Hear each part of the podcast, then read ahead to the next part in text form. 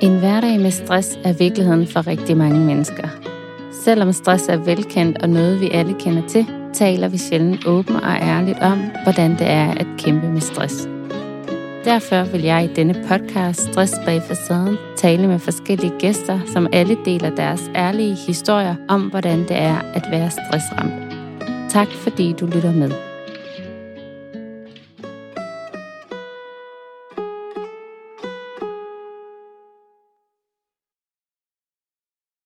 Hej og velkommen til et nyt afsnit i podcasten Stress bag facaden.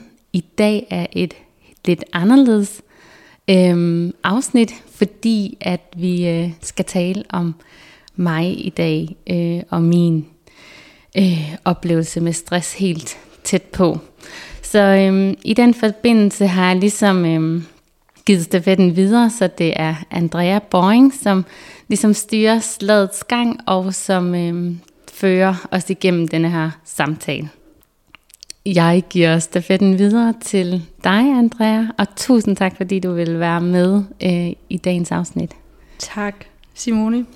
Jeg er rigtig glad for, at øh, du har lyst til at snakke med mig, og øh, jeg glæder mig til at høre mere om dig og din fortælling. Mm-hmm.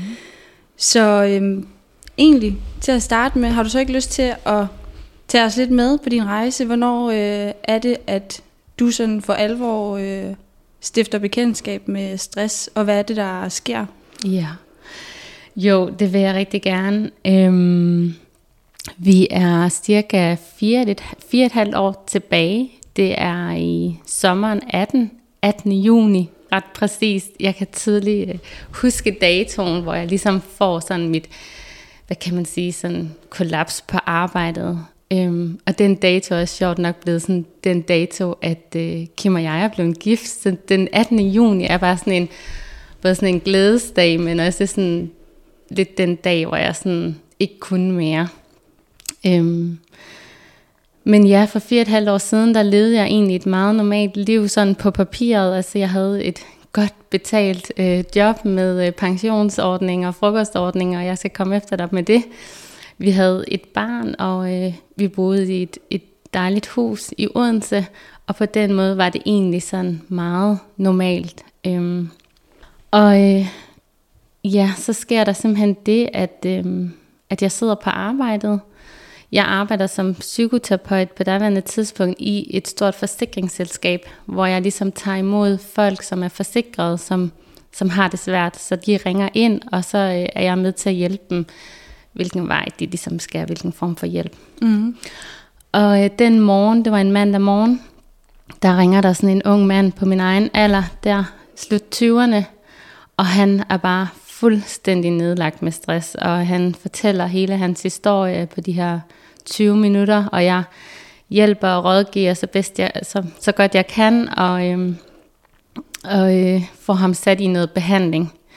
Og da jeg ligger på der, der knækker jeg bare fuldstændig sammen, og ligger mig hen over mit skrivebord, og så græder jeg bare. Mm. Øhm, Ja. Kan du beskrive, sådan, hvad er det, der sker? Ja, jeg tror virkelig, det var følelsen af, at han fortalte hele mit liv lige der, altså fuldstændig som jeg havde det. Han satte på en eller anden måde ord på alt det, jeg ikke selv havde kunne sætte ord på. Fordi når man går ned med stress, så har der jo været et langt forspil for inden med sindssygt mange symptomer og bimlende klokker, som har ringet men som jeg jo bare har overhørt. Og det paradoxale er jo, at jeg sidder i en forsikring, hvor jeg varetager hver eneste dag øh, kunder, som går ned med stress. Så jeg ved jo sindssygt meget om det. Jeg ved rigtig meget om alle faresignaler, behandlingsmetoder, alt det, man skal være opmærksom på. Øh, jeg glemmer bare lige at, øh, at kigge på mig selv, kan man sige. Mm jeg vil sige, i et halvt års tid op til denne her dato her, der har jeg godt vidst, at det har været galt. Jeg har godt vidst, at jeg ikke havde det rigtig godt, og jeg havde mærket rigtig mange symptomer. Mm. Kan du prøve at altså, uddybe, hvad, hvad ja. er det for nogle symptomer, ja. du, du oplevede særligt det halve år? Jamen sådan ekstremt hjertebanken, altså sådan lige pludselig så kunne det der hjerte bare sådan galopere, og sådan følelsen af at være sådan nervøs, anspændt hele tiden.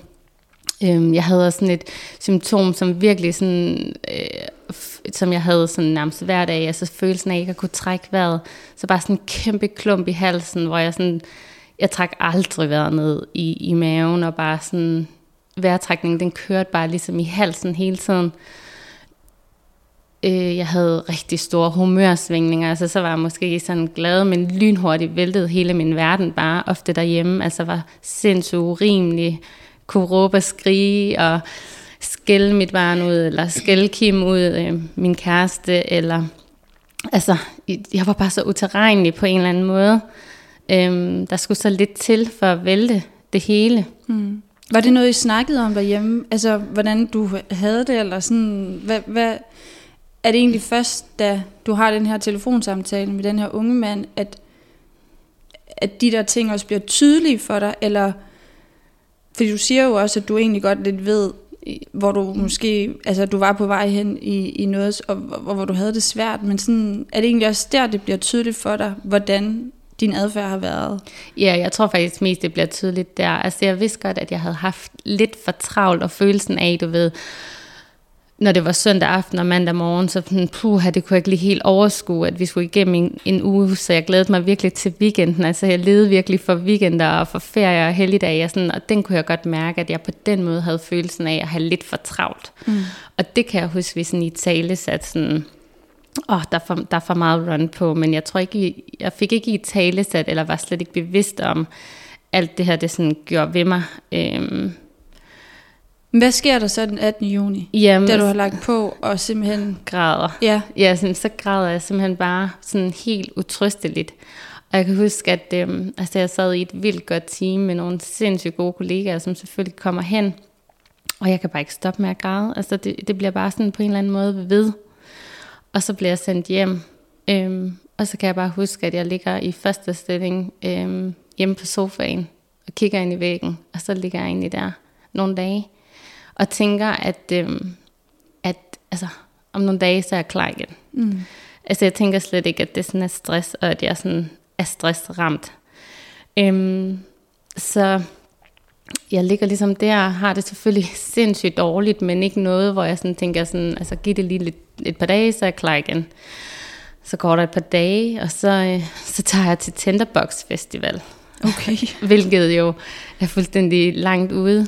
Men, men jeg var bare i sådan en total benægtelse af, altså det her, det kan ikke ske for mig, og altså tanken om at skulle skrive rundt til hele en vennegruppe, jeg sådan skulle med på Tinderbox og sige, at jeg var ramt af stress, altså det var sådan en, det var så fjernt fra mig, altså det kunne jeg slet... Det var nærmest et no-go? Ja, okay. ikke fordi, at jeg tænkte, at de ikke ville forstå, det ville de, men fordi, at jeg slet ikke sådan, jeg kunne slet ikke erkende det, altså Nej. jeg var fuldstændig blind øh, på mig selv. Mm.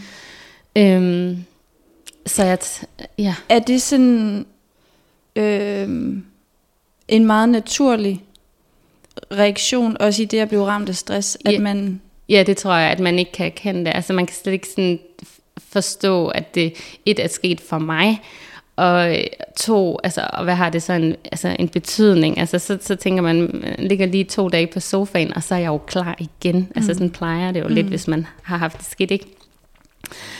Øhm, så, så, det, så, så det bliver egentlig bare sådan til, at jeg kan holde et par dages fri, og så skal jeg ligesom komme mig, og så øhm, tager jeg til den her Tinderbox Festival, og da jeg så ligesom er færdig med de tre dage, så er jeg bare fuldstændig kørt i sænk. Mm.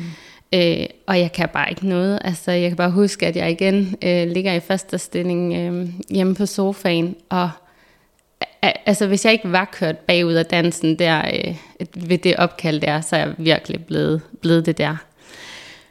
Men, men jeg kender det stadig ikke, at jeg ligesom har ramt af stress. Øhm, så hvad gør du? Ja, så jeg får lavet en aftale med mit, med mit arbejde om, at, øh, at jeg bare arbejder lidt nogle timer om dagen på deltid, eller sådan, jeg kommer lidt, så det lige passer mig, men, men jeg skal i hvert fald ikke sådan sygemelde, så jeg kunne i hvert fald slet ikke, altså tanken om at gå til lægen, og så snakke med lægen om det, og få en sygemelding, er sådan slet ikke eksisterende inde i mit hoved. Kan du prøve at uddybe, hvorfor? Altså, hvad er det i dig, der gør, at den der erkendelse, den er så sindssygt svær? Ja. altså helt ærligt, så tror jeg simpelthen, det er et kæmpe nederlag for mig at skulle være hende, der gik ned med stress.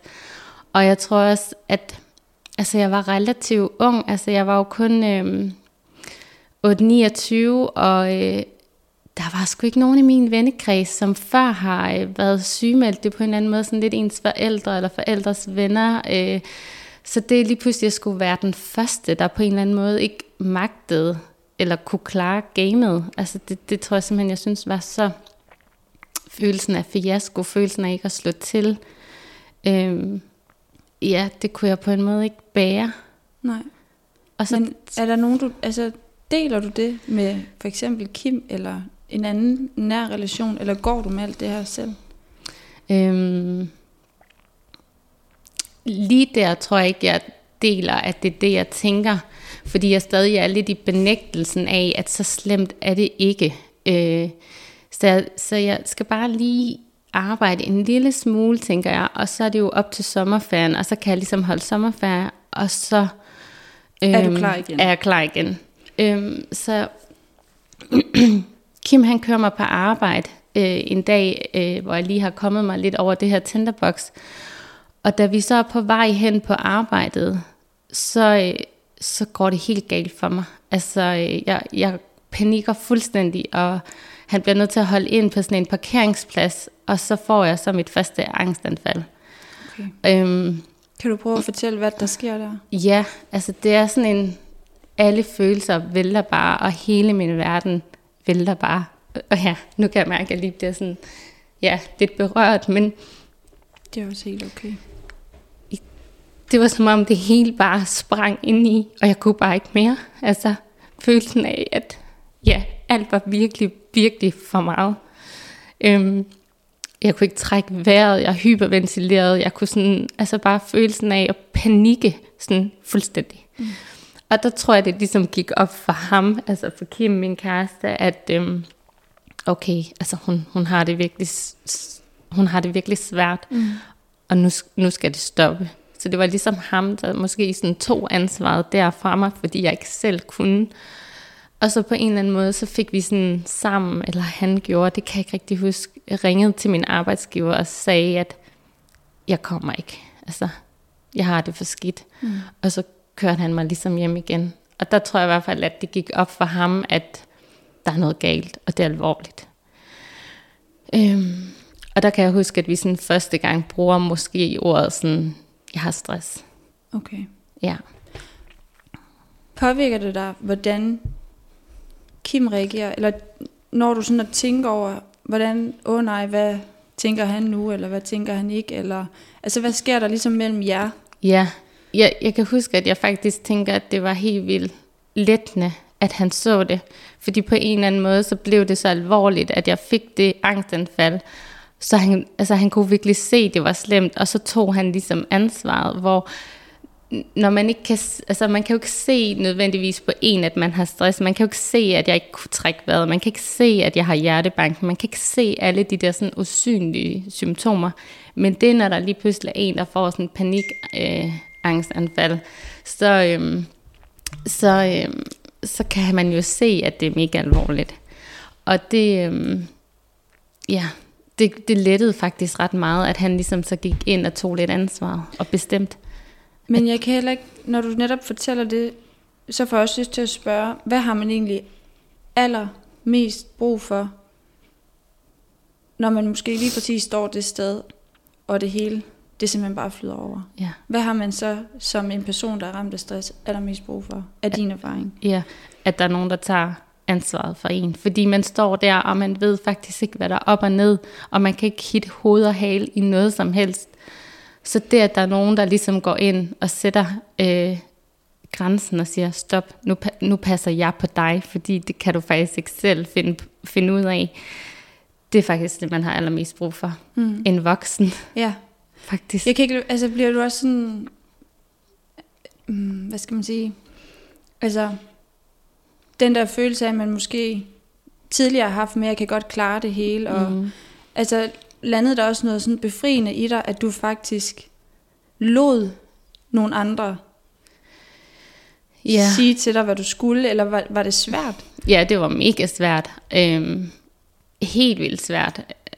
Så det var befriende, fordi han forstod lige pludselig, at jeg havde det skidt, og på den måde øhm, var det rart. Men, men jeg ville jo stadig ikke erkende, at jeg havde det så dårligt. Så, så jeg, vi gik på sommerferie. Jeg havde 14 dages sommerferie. Mm. Ja, for jeg skulle faktisk også lige til at spørge, hvad, hvad pokker sker der så herfra? Ja, så der gik vi på sommerferie, og jeg øh, får ret hurtigt bestilt en tid til en psykolog og mærker, at, øh, at det her, det kan jeg ikke klare selv. Altså jeg har brug for noget hjælp mm. udefra, og det, så det får jeg gjort, som jeg kan komme til efter min sommerferie. Og så tager vi egentlig 14 dage i sommerhus, og det var, det var sgu altså, en speciel sommerferie, fordi jeg havde det ekstremt dårligt, og jeg var så bange for ikke at blive normal igen. Altså, jeg følte bare, at jeg havde tabt mig selv. Øhm, så ja, jeg tror, at jeg vågnede sådan hver eneste dag og sådan tænkte, er jeg normal? Og mm. det var jeg jo ikke. Altså, fordi jeg var jo stadig syg med stress. Øhm. Men jeg tænker også, at det, at du også bliver berørt af det nu, mm. det er også meget sigende for, hvor stærke de følelser også har været i dig ja. for fire og et halvt år siden, ikke? Ja. Ja.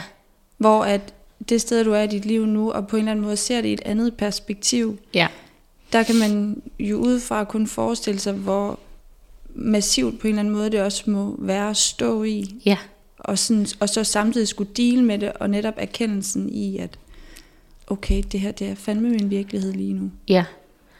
Og tit det der med, når man jo også overgiver sig til, okay, jeg har det bare skidt, så begynder alle symptomer på en måde også at virkelig at, at blive endnu mere synlige, og jeg fik det sindssygt dårligt. Øhm, jeg, jeg, kunne bare ikke, jeg kunne ikke handle, jeg kunne ikke være i sociale relationer, jeg kunne ikke, altså jeg følte bare ikke, at jeg kunne leve et liv, altså jeg kunne bare være derhjemme. Mm. Øhm, det lyder som om, at du faktisk bliver ramt, altså selvfølgelig psykisk, men også fysisk. Ja. Altså, altså sådan nærmest i, at, at nogle af de der ting, som, du, som bare har været noget, du måske ikke har tænkt over at gøre, ja bliver lige pludselig en udfordring ja. også. Ja, jeg var ved at træne op til et halvmarathon, og jeg, jeg, jeg, kunne bare ikke, jeg kunne ikke løbe en tur. Altså nogle af de der ting, som man bare tager for givet, altså jeg, jeg kunne bare ikke, altså da det sådan, da jeg først får gearet ned og, og kommer væk fra det, så var det bare, så rammer det hele bare som sådan en boomerang. Altså jeg var bare så udkørt. Øhm, ja, og jeg kan bare huske den der sådan sommerhustur, øh, sådan den der desperation af, at jeg har 14 dage til at blive fikset. Altså det var det. Og hver eneste dag, jeg sådan vågnede op, så er det sådan, fuck, nu er der kun 13 dage tilbage, og ja, 12 dage tilbage, og sådan. Og jeg kan bare huske sådan, at jeg hver eneste dag, sådan, øh, vi gik sådan en tur ned ved vandet og sådan noget, så, så tog jeg sådan Kim i hånd og sådan, sådan helt desperat kiggede ham ind i øjnene og sådan, tror du, jeg bliver normal? Tror du, jeg bliver normal? Og jeg er klar om 10 dage. Og han var meget sådan, Simone, altså prøv nu at give dig hen til, at lige nu er du ramt, og der er på en måde ikke en tidshorisont for, altså det bliver sådan en stressfaktor af, hvornår jeg er rask. Og det blev næsten sådan den nye stress, ikke? Ja, fordi vigtigheden af at komme tilbage, ja. fyldte sådan set mere end erkendelsen i, at ja. du skulle dele med det, du Fuldstændig. stod i. Jeg kan heller ikke lide at være med at tænke i det her, fordi du har jo også en datter. Ja. Hvordan, altså kan du, hvad, hvad, hvad sker der lige der? Ja, hvad fanden sker der? Altså det er sådan lidt utydeligt, men jeg kan i hvert fald huske, at Kim han tager meget mere over. Altså jeg, jeg kunne simpelthen ikke stille op øh, til hele den her morrolle, og specielt ikke i de der sådan ulvetimer, hvor der lige pludselig er et barn, der får en eller anden nedsmeltning og kaster sig ned på gulvet, eller og man skulle diskutere, om man må få det ene eller det andet. Altså det kunne jeg slet ikke være i. Så det var meget Kim, der der tog over på alle de der ting. Altså jeg kunne lidt være hende moren, der kunne sidde og se tegnefilm, eller der, hvor det ligesom var en hyggelig stund. Altså, mm. Men lige så snart, at der blev sådan en lille smule svært, som det jo tit er med børn, så kunne jeg ikke være i det. Påvirkede det dig? Øh, lidt, tror jeg, men jeg, jeg, jeg husker det ikke som om, at jeg følte, at altså, jeg har ikke følelsen af, at jeg, at jeg følte mig som en dårlig mor. Altså det er ikke den følelse, jeg sidder med. Øhm, Og jeg husker også, at de tit tog steder hen, hvor jeg ikke var med. Altså hvis vi skulle til fødselsdag, eller vi skulle ud til nogle venner. Det kunne jeg simpelthen ikke. Jeg kunne ikke være i de her øh, sociale relationer. Så der tog de tit afsted alene, og så var jeg bare selv derhjemme. Men det indikerer måske også meget øh, godt, altså sådan vigtigheden af, at man netop får delt med andre, hvordan man har det. Fordi det, gi- det gav jo også din kæreste Kim en mulighed for at tage over for dig på de punkter, Ja, som du synes var sindssygt svære. ja, Øh, hvor at nu kom det jo af sig selv også, fordi at du, du fik det kollaps, eller hvad skal vi kalde det, som Ja. du gjorde, da han var der, men mere sådan... Det forklarer måske meget godt, hvorfor man ikke skal stå alene, Ja. i, når man er stressramt. ja. Og også inden at jeg fandt ud af, at, at jeg ikke kunne tage de, med til de her sociale ting, fordi det går der også noget tid af at finde ud af, hvad kan jeg og hvad kan jeg ikke, fordi man synes jo bare, man, man skal burde kunne alt det, man plejer. Øhm, så øhm, ja, efter sommeren der, så, så skulle vi til sådan en, øhm, en lille familiefest, eller sådan familie kom sammen. Og der tænkte jeg, at der kunne jeg selvfølgelig godt tage med. Og vi cykler derhen, og jeg cykler med min øh, lille datter bagpå. Og så midt i vi cykler, så får jeg så mit andet angstanfald. Øh, anfald. fordi det bare var så for meget, at jeg skulle til at hen til den her sammenkomst. Altså det, det kunne jeg bare ikke. Men samtidig så ville jeg jo heller ikke melde fra, fordi det synes jeg var pinligt. Er det de samme symptomer, du bliver ramt af? Ja, så jeg panikker bare fuldstændig, og det var lidt farligt. Altså, vi cykler derude ved en stor vej, og hun er bagpå, og jeg øh, får bare råbt et eller andet med, at vi skal stoppe, stoppe, og tårne pisker bare ud af øjnene på mig, og øh, vi får stoppet, og jeg råber, at han skal tage cyklen, og, sådan, og så tog han så cyklen, fordi hun sad jo bagpå, og så sætter jeg mig bare ned i grøften, og så bryder jeg bare fuldstændig sammen, og får kastet min cykelhjelm sådan lidt væk, og, og bare har total hjertebanken, og ryster, og kan slet, slet ikke være i det, og kan slet ikke øhm, ja, være i min krop. Mm. Så det her det er faktisk et par måneder. Ja, det, ja måske sådan en måneds tid siden, Okay. halvanden måneds tid siden Ja. efter. Øhm, Men. Ja. men jo på mange måder en ret tydelig reaktion. Altså, ja, og også sådan måske øh, sådan en reminder på, okay, der... jeg har det du- stadig ikke godt. Ja, ja. Lige præcis. Og det er jo det, der på en måde er så fantastisk ved kroppen, ikke? Fordi når man ikke selv forstår, at øh, okay, du er ikke et sted, hvor du lige skal til sådan en familiekomst ikke? Så, så har man jo heldigvis en krop, der på en eller anden måde bare kan banke det lige op i hovedet på en. Og det er jo det, man, øh, jeg fik serveret. Ja, og du har jo også tydeligvis havnet i en situation der, hvor at sådan din, din øh, altså følelsen er jo netop, og, og måske også sådan fornuft i, i form af sådan, ej, det kan jeg da godt deltage i, og det plejer jeg godt, og det synes jeg jo er hyggeligt. Det har Mm. bare på ingen måde stemt overens med, hvordan Simone har haft det indeni. Nej. Øh, og den der, øh, ja netop erkendelse, som vi også har snakket om, men jeg forestiller mig også, at det lige præcis er det, der er det svære. Altså accepten i, ikke i, altså for en periode at kunne det, Ja. som man tidligere har kunnet, og hvornår kan jeg det så igen? Ja. Og selvom jeg jo så har haft det angstanfald der, og sidder der midt ude på gaden jo i Odense, så, øhm, så accepterer jeg det fandme ikke, så jeg tager jo hen til denne her familiekonsamst. Gør du det? Ja, altså jeg Hold vender kæft. simpelthen ikke om. Så vi tager jo derhen, og jeg har total gameface på, og hej, og woohoo, og du ved, jeg skal komme efter dig. Og så gennemfører jeg jo hele øh, den her... Og det her, det er de, deres nærmeste familie. det er ikke nærmeste, men du ved, lige sådan et hak ude. Øhm, Og der er ikke nogen af dem, der aner Nej. noget, jeg siger ikke noget. men de aner heller ikke, hvad du har oplevet tidligere. Nej, ikke Shit. på daværende tidspunkt. Okay. Nej, det har jeg ikke delt med nogen der. Heller ikke din, Jeg din tror- egen familie. Jeg tror, min tætteste familie ved, at jeg har et stress, men, men lige sådan hakket ud, er der ikke nogen, der ved noget. Okay. Og i hvert fald ikke, at jeg har haft de her anfald overhovedet. Men lad os i hvert fald sige, at der er maks fem, der ved det her. Ja, Agtigt. ja, Og det har du gået med i hvert fald en måned selv. ja. Hvor du har været på Tinderbox, du har været øh, i holdt sommerferie, mm. du er reelt set også gået lidt tilbage på arbejde, kan jeg jo regne ud. Ja, Og nu tager du til en familiefødselsdag. ja, På trods. ja. Hvad, hvad, hvad, hvad sker der så herfra? Fordi at, Ja, så jeg tror bare, fortællingen lyder, at, at du ved, jeg har lidt meget at se til, så jeg lige sådan, du ved, altså jeg har lidt stress, men nok ikke, hvor slemt det er. eller hvor, hvor, hvor skidt jeg har det. Det, Okay. der, det Men okay, I kommer så hjem fra den her Mhm. mm. fest. Mm. Hvad sker der så? Jamen, hvad sker der så? Så tror jeg, altså jeg begynder ligesom mere og mere at erkende, at jeg ikke har det godt, og jeg får startet til den her psykolog, og, og får få fundet lidt ud af, altså hvorfor har jeg det sådan? Fordi det er jo også det, altså hvorfor fik jeg stress? Mm. Øhm, og der får jeg ligesom noget ret frem til, at, at altså jeg trives ikke i mit arbejde, jeg trives simpelthen ikke i den, det hverdagsliv med, med det job, og hele det her sådan hamsterhjulsliv, vi havde, og og det var, det var et rigtig godt, øh, det var rigtig godt for mig at finde ud af, altså hvorfor er jeg her nu? Mm. Og det kan der jo være mange grunde til, at der er også mange faktorer, men, men en af de væsentlige faktorer er, at jeg virkelig ikke trives i det arbejde, jeg havde. Hvordan, Øhm. hvordan bliver det tydeligt for dig under samtalen med din psykolog? Mm, ja, vi får arbejde, altså, ja, hvordan bliver det tydeligt? At, det, at jeg er i et job, på, hvor at det var på ingen måde det, jeg drømte om, og det var på ingen måde det, jeg havde regnet med, jeg skulle lave, og, og jeg kan mærke, at, at jeg får ondt i maven, når jeg skal tilbage. Altså, Så man kan sige, det, det der meningsfulde Ja. i at stå op og gøre det, man egentlig ja. skal, Ja. det, det var egentlig ikke til stede for dig. nej, Okay. ja. Så, øhm, så ret Siger du hurtigt- så op, eller hvad?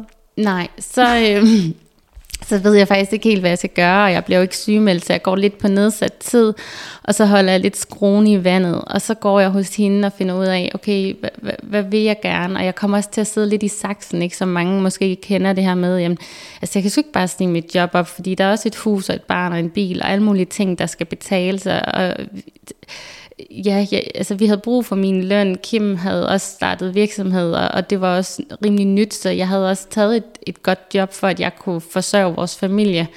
Øhm, så jeg er også presset til at, at skulle hive den her løn hjem hver måned. Øhm, så, så, så det kunne jeg simpelthen ikke bare sige op. Øhm, så, det, som jeg øh, snakker lidt med hende om, det er, altså, hvad er det for en fremtid, jeg gerne vil have? Hvad er det for et liv, jeg ønsker at leve? Og jeg bliver rigtig skarp på, altså, hvad er det for nogle værdier, jeg synes er vigtigt? Og der bliver jeg ret skarp på, at det liv, vi lever nu, er ikke det, jeg drømmer om, og det er ikke de værdier, øh, jeg ønsker, eller sådan, det indbærer ligesom ikke det, jeg, jeg vil. Og derfor har jeg ligesom lagt en plan med hende, øh, hvad er det, jeg vil have for mit liv. Og så vælger vi faktisk at blive gravid, øh, for at købe mig lidt tid, hvis man kan sige det sådan.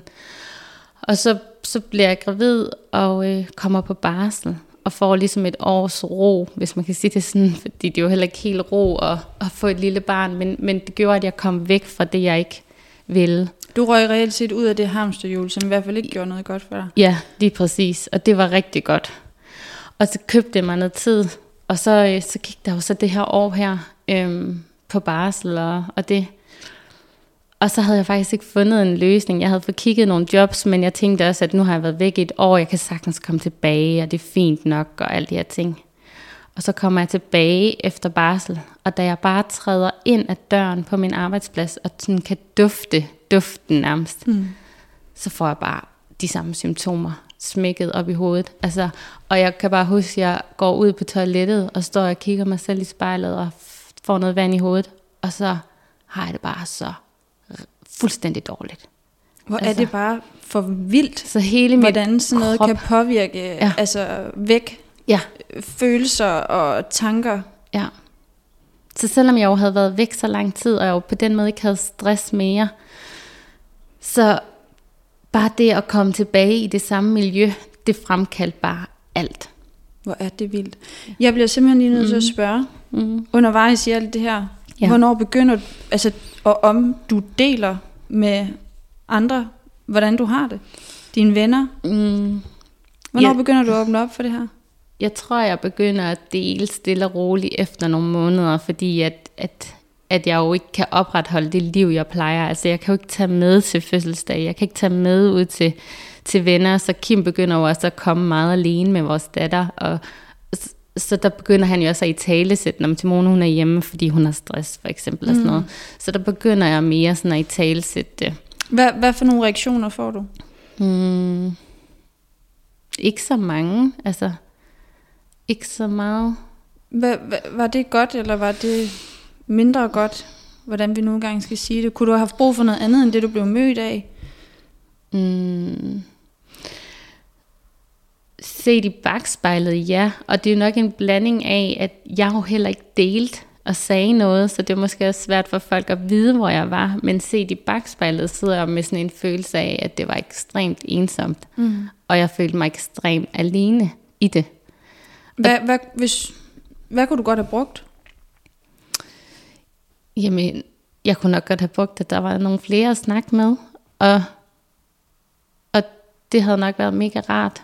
Mm. Altså en, en eller anden form for, jeg ved ikke, større forståelse, eller flere at snakke med. Men, og samtidig så tænker jeg også nogle gange, at jeg var måske også svær at snakke med, fordi jeg jo ikke engang selv havde forstået det i så lang tid, og var i så benægtelse. Så hvad fanden skulle man snakke med mig om, for jeg sagde egentlig ikke så meget. Eller sådan. Så det er sådan en lidt en, en blanding. Men jeg kan huske, at vi skulle til et andet familiearrangement, som er sådan en familie langt ude, som, som vi meget sjældent ser. Og det skulle foregå hjemme hos os. Og øh, kort tid før det skal foregå, så kan jeg bare mærke, at jeg får det så dårligt, så det kan ligesom ikke være hjemme hos os. Så jeg ringer eller får skrevet til dem, at vi kan godt mødes, men det kan ikke være hjemme hos os, så kan vi gøre det et andet sted, for så var det nemmere, så kunne jeg tage hjem, når jeg ikke ville mere. Er det her før eller efter barn nummer to? Øh, det er før. Okay. Ja, så det er sådan i efteråret, mm. øh, hvor jeg går ned der om sommeren. Og der kommer vi så hen til det her arrangement, og alle ved jo der, at jeg har stress, og alle ved, at arrangementet er, er blevet rykket, fordi jeg ikke kunne klare det. Og da vi så sidder til det arrangement, så er der ikke en eneste, der siger noget. Ikke en eneste. Så det bliver den lyserøde elefant i rummet? Fuldstændig. Og jeg kan bare huske... Hvad, hvad gør det ved dig? Jamen, jeg kan huske, da vi går derfra efter nogle timer, så er jeg bare så hamrende ked af det. Jeg er så ked af, at ingen kunne spørge, hvordan har du det? Mm. Altså, det vil bare være det mest naturlige spørgsmål i hele verden. Er du okay? Nej, det er jeg fandme ikke. Mm. Øhm, og det var som om, at jeg jo slet ikke passede ind. Hvor jeg sådan tænkte, havde vi nu fået en ny bil eller sådan noget, så ville alle jo fandme spørge til den, og mm. måske også spørge, om de måtte prøve en tur i den, eller ud og se den, eller et eller andet. Ikke? Men jeg sad der, og jeg havde to dage for inden skrevet, jeg ikke kunne. Mm. Og ingen spørger. Jeg kan ikke lade være med at tænke, at det taler også på en eller anden måde desværre ind i hele den følelse, som du har beskrevet af, at føle dig forkert og anderledes, og ikke som dig selv, mm. ved at ikke nogen siger noget, versus hvis folk havde spurgt dig, ja. hey, hvordan har du det? Ja. Så havde du faktisk fået lov til at sætte nogle ord på, men du havde også følt, måske det var, hvad skal jeg sige, acceptabelt, eller at, ja. Altså, den der forkerthedsfølelse ville bare være vendt om på en helt anden måde, ja. hvis det faktisk måske bare for en eller to, måske tre, ja. var blevet i talesat. Ja. ja. Og jeg synes, at det er en, altså en pointe, som er ret væsentligt, og desværre også ret misforstået. Ja. At når tingene bliver sårbart, eller sådan lidt, det, den der berøringsangst i, at der er garanteret nogen, der har tænkt, de vil ikke gribe op i noget. Ja, eller, gør mig er, ked af det. Eller, ja. ja. Men jeg var men, jo ked af det. Så præcis. de kunne ikke have gjort, altså, Nej. gjort mig mere ked af det. Nej. Ja. Men tværtimod, mm. kunne de faktisk have skabt et rum for dig, hvor ja. du havde mulighed for at og, og måske lige trække vejret på en anden måde ja. til den der familiesammenkomst, ja. end du så ikke kunne få gjort, fordi det blev ikke, ja, ja. det skete ikke. Nej. Det er meget tankevækkende. Helt vildt. Helt vildt. Og jeg forestiller mig også, at det sker for ofte. Ja, det tror jeg rigtig meget. Mm. Så, så jeg tror, det er jo sådan en blanding i, at ja, at i hvert fald, at jeg altså, jeg tror næsten al den tid, jeg var ramt af stress, så, så, så var jeg så meget i benægtelse, og jeg fattede aldrig, hvordan jeg ikke havde det, da jeg var i det. Så, så der var også rigtig mange gange, jeg ikke fik delt selv, og selv fik sagt ord på det. Men, mm. øhm, Men hvis vi lige skal gå ja. lidt tilbage til, at du netop siger det her med, at du kommer til barsel, der falder faktisk væsentligt mere ro på, du får det bedre. Ja. Øhm, du kommer så tilbage på din arbejdsplads, og kan bare igen mærke de her følelser, vum, ja. op i dig. Ja. Så Hvad jeg, gør du så? Ja, jeg får det simpelthen så skidt igen, og jeg begynder bare at græde øh, nærmest hver eneste dag, og jeg, jeg kan bare ikke være i det. Øhm, du siger stadigvæk ikke op? Nej, ikke lige der. Øhm, så går der en måned. Altså, jeg, jeg når at være tilbage på arbejde i en måned. Og da jeg så cykler hjem øh, fra arbejde den dag, så tager jeg simpelthen beslutningen ind i mig om, at øh, nu ser jeg op, og jeg skal ikke tilbage. Så på den cykeltur hjem, der ringer jeg øh, til Kim, og så siger jeg til ham, uanset hvad du siger, så er det sådan her, det er. Og jeg siger mit job op. Ellers så bliver jeg syg. Øhm, og, det, og det var sådan, jeg havde det. Altså jeg havde det sådan, at hvis jeg ikke siger mit job op, så bliver jeg syg. Altså det var jeg ikke i tvivl om, at jeg ville ikke kunne redde den, eller jeg sådan, ja. Og der, der forstår han alvoren i, at det er at sige mit job op, eller det er at få øh, en, en sygemeldt kæreste mm. på, på, i meget mere alvorlig grad. Så øhm, lige da han siger det, så, eller øh, da jeg siger det, der er han selvfølgelig sådan rolig nu, nu, nu cykler du lige hjem, og så finder vi lige en plan, og vi har også et hus og en bil og et barn, og vi skal lige tænke os om. Og så er jeg sådan, lige meget hvad, så har jeg truffet beslutningen. Øhm, og så får vi lagt på, og så kommer vi hjem, og så siger jeg til ham, øh, jeg, jeg skal åbne min egen virksomhed, og jeg skal hjælpe folk, som, som simpelthen skal, som har stress, og som, hvor livet er for kort til at, at leve i det. Og så øh, siger han fedt, og så går der et par dage, og så får jeg simpelthen etableret øh, hjemmesider, og øh, ja, får fundet mit lokale, og står hver aften og maler det, og får fundet nogle møbler og et skrivebord, og alle de her ting, og så få dage efter, så smider jeg min ansøgning, og så, øh, ja, så har jeg en måned tilbage, og så stopper jeg. Og så åbner jeg min egen virksomhed derefter. Ej, for det er egentlig vildt et drive, du ligesom bliver ramt af der. Ja, og det syge er, altså, da jeg får sagt op, så har jeg ikke stress mere. Altså, det er virkelig den følelse, jeg har. Altså, og det er jo øhm, også tydeligvis det, der gør, at du får eksekveret på det andet. Ja, så selvom at jeg står der og den sidste måned arbejder jeg jo selvfølgelig på mit arbejde, og hver eneste aften, så tager jeg ned i mit lokale og maler selv, og arbejder til sent ud på aftenen og sådan noget, så jeg, jeg, jeg arbejder virkelig, virkelig mange timer lige der, men, men der er bare et kæmpe drive, og der er en kæmpe lettelse i, at der er fundet en løsning og fundet et ud, en udvej. Øhm, ja, og så nu lever jeg også af at hjælpe andre, som, som har været, som er i den situation, hvor jeg også selv har været. Så du ender faktisk med at have noget, der minder om to år? Ja. Hvor du sådan on-off er ja. i større eller mindre grad ja. ramt af stress. Ja. Og dagen, hvor du siger op, ja. der sker der i hvert fald også noget ja. magisk. Fuldstændig magisk. Altså der letter hele denne her sådan, faktor af at sidde i saksen på en eller anden måde af, at jeg jo havnet i det her job, som, hvordan fanden kommer jeg ud af det? Fordi Ja. Og, og jeg tror ligesom, fra bare at være i det der system, som, hvor man bare følger lidt med det der hamsterhjul af, at man skal have den rigtige bil, det rigtige hus, det rigtige job, og til ligesom sådan, nej, vi har et liv, hvor vi jo selv kan vælge, hvad vi vil. Og ja, hvis man så tjener lidt færre penge, så må du så prioritere at bo et andet sted, hvor du ikke har måske det flotteste hus, eller køre i den dyreste bil. Men det hele er en prioritering, og det er nok det, jeg har, har lært rigtig meget af, at du kan jo skabe dit eget liv.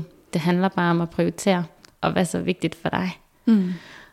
Og det var nok det, jeg lærte på den her måde. Jeg skulle lige til at sige, det erfarede du så også på en, ja. på en måde, som ja, var hård. Ja. Jeg kan ikke lade være med at tænke, øh, altså,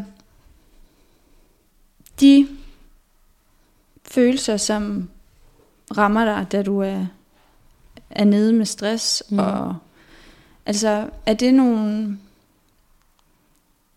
Fylder det for dig i dag? Øhm, det fylder for mig øh, nogle gange sådan angsten for, om det kunne ske igen. Altså det har fyldt rigtig meget. Tanken om, hvis jeg fik et tilbagefald, eller blev ramt af det igen, fordi jeg husker det som en virkelig, virkelig forfærdelig tid. Øhm, som en tid, hvor jeg virkelig havde det svært, og det var så svært at være mig. Og det kan jeg godt være bange for, hvis det skal ske igen. Mm. Og samtidig ved jeg jo også godt, at, at jeg er et helt andet sted, og jeg i den grad øh, er meget mere bevidst om alle de her signaler. Så når det begynder at bimle og bamle, så mm, reagerer jeg på det meget hurtigere. Hvor mm. før der lukkede jeg på en måde bare øjnene og kørte videre. Ikke? Mm.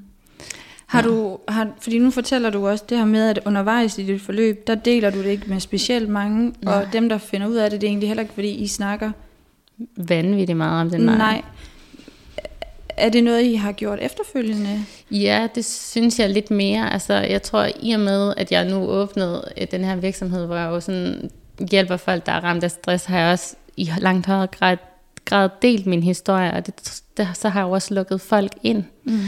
Og det har jo også givet sådan en åbning om forskellige samtaler. Øhm, og jeg har også haft brug for at sige det øh, til noget familie, altså sådan tættere familie, sådan, hvor jeg kan huske, at, at jeg sådan sagde sådan, hey, jeg vil gerne, jeg har noget, jeg gerne vil dele med jer. Altså jeg vil faktisk gerne dele, hvor svært det var, fordi det ved I faktisk ikke. Og det, øhm, det fik vi en ret god og sådan ret sårbar snak om. Og det tror jeg, de var virkelig sådan taknemmelige øh, for at blive lukket ind, og også måske stod med en følelse af sådan, gud, altså vi vidste faktisk ikke, at det var sådan, det var. Nej. Det synes jeg måske også er et meget, øh, altså meget sigende for vigtigheden af, at altså også at få talt om stress og alt det, der følger med. Mm. Og, fordi nu siger du også selv, at jeg var måske ikke verdens nemmeste at tale med, da det stod på. Nej. Men det var der jo også en grund til. Ja. Altså du stod jo også og havde det enormt svært. Hvorfor at din omgangskreds og dine nærmeste på en eller anden måde, øhm, jeg kan ikke lade være med at tænke ud for det, du fortæller i hvert fald, altså du kunne måske godt have været, altså, have haft brug for at blive mødt på en anden måde, end, end det du gjorde, men fordi de heller ikke er klar over, hvad det er for nogle mekanismer, der er på spil, Ja. så ved man ikke lige, hvad man skal rive i eller tage fat i. Ja, fordi jeg lod mig jo heller aldrig sygemelde, så jeg passede jo mit job. Altså det var jo ikke, fordi jeg ringede rundt til Gud og hver en mand og sagde, hey, bare så du ved det, så arbejder jeg altså kun øh, 27 timer, fordi jeg jo faktisk har det lidt dårligt. Så ud af til, så gik jeg jo stadig på arbejde. Jeg, jeg havde jo stadig altså, min hverdag, og, og jeg delte det jo ikke, så det var også svært at gennemskue. Altså, Ja. hvad er der så hende? Men er der noget, altså hvis du kunne lave noget om, Mm. er der noget? Ja, ærlighed. Ærlighed. Altså meget større ærlighed, tænker jeg, fordi det havde hjulpet mig selv. Øhm, og det og havde nok måske også... også, også altså dem omkring dig. Ja, Ja. og fordi jeg tænker, hvis jeg havde været ærlig og delt noget, så kunne det også have været, at jeg i langt højere grad kom ud af den der sådan benægtelsesfase i, at jeg jo bare blev ved med at benægte, at, at jeg havde det skidt, og det var altså... Og jeg tror da, hvis jeg i langt højere grad havde nogle mennesker, der fik lov til at komme tæt på og kunne øhm, sige sådan, prøv at høre Simone, jeg kan høre, og jeg kan se, at du ikke har det godt, øhm, så kunne det måske være, at jeg nemmere forstod, at den var galt. Hvad der faktisk var på spil inde i dig. Ja, Ja. Fordi du også er blevet stillet de spørgsmål, ja. som også, altså, som snakken ville have åbnet op for. Ja, og man kan sige, altså nu hedder den her podcast jo Stress bag facaden, ikke? og jeg tror, jeg, i helt ærligt, så var jeg pissegod til at, at sætte en facade, og jeg var helt ærligt god til at spille spillet. Altså, der var sgu ikke så mange, der så det. Og man kan sige, det, du havde måske følelsen af, at det hjalp dig i en eller anden vis periode, men det kom så også med 120 km i timen Ja. retur. Ja, og jeg i bagspejlet jo kan se, hvor, hvor smertefuldt det var for mig. Øhm, og det har måske næsten også været sådan en, en, en proces i sig selv, altså her på den anden side, når jeg ligesom tænker tilbage, hold kæft, hvor var det hårdt at være dig, Simone. Hold kæft, hvor trængte du bare til en krammer. Hvor var du ødelagt rigtig mange gange. Men det var ikke bare ikke helt sådan, jeg selv havde det. Nej. Men det ved jeg, og det kan jeg se med, med den erfaring, jeg har nu, fordi jeg jo hver eneste dag møder klienter, hvis historie minder rigtig meget om min egen, og der kan jeg jo se, hvor hårdt ramt de er, og hvor ja, mildestag langt ude og skide de altså, virkelig har det skidt. Så jeg kan jo forestille mig, at det må jeg jo også selv have haft det sådan. Mm. Det kunne jeg bare ikke. Hvordan har du det i dag? Jeg har det godt, og øh, Godt. øh, jeg er glad for, for det liv, jeg lever, og, øh, og jeg har ligesom følelsen af, at, at, at det er mig, der dikterer øh, takten. Altså, er det sådan det, øh, den største øh, forandring Ja. Altså, i forhold til, da du ja. var nede med stress? ja, jeg styrer min hverdag nu, og ikke hverdagen, der styrer mig. ja. Ja. Hvad er dit bedste øh, sådan råd, kan man sige, til både øh, mennesker, der kan være ramt af stress, men også deres pårørende? Ja. Altså jeg tror, hvis du er pårørende, så tænker jeg helt klart, altså tal, heller, heller sige for meget, end at sige for lidt. Heller spørg en ekstra gang, kom gerne forbi. Og bare være sammen, uden måske at sige noget, men bare være der. Altså man kan på en måde give for meget omsorg. Det tror jeg faktisk ikke, man kan få for meget omsorg. Og det lyder også, som om den kan være svær at bede om. Ja, det tror jeg faktisk ikke, man kan bede om. Og nogle gange er det måske også den pårørende, der skal tage ansvaret og sige sådan, nu stopper du. Altså, nu er det nok. Øhm, fordi jeg tror i virkeligheden, den der stressram kan blive ved med at køre i uendelig lang tid.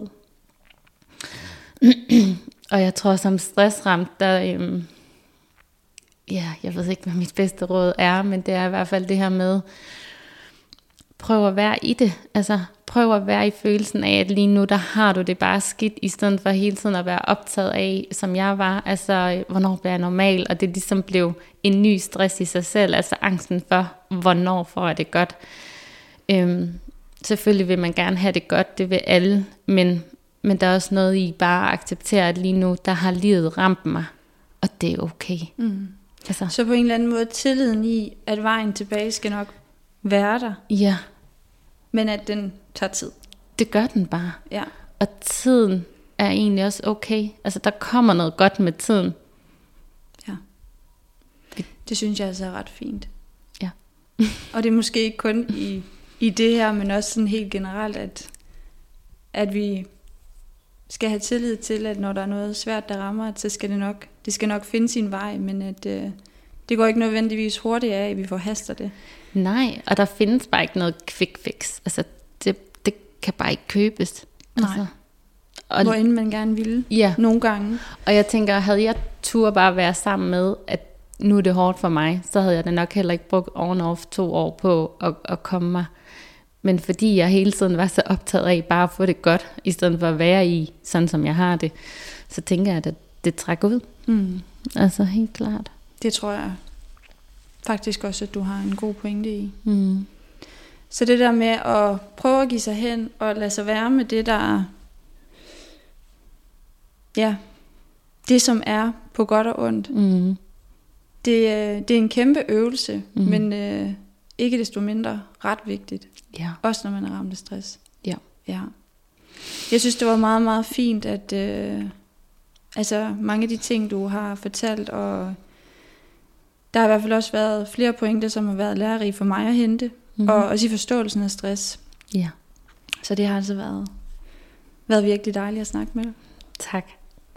Tak fordi, at øh, du styrede slagets gang, og øh, jeg måtte fortælle min historie til dig. Det var dejligt. Og øh, til dig, som har lyttet med, jeg håber rigtig meget, at du har lyst til at lytte med til næste afsnit, og på gensyn. Hej.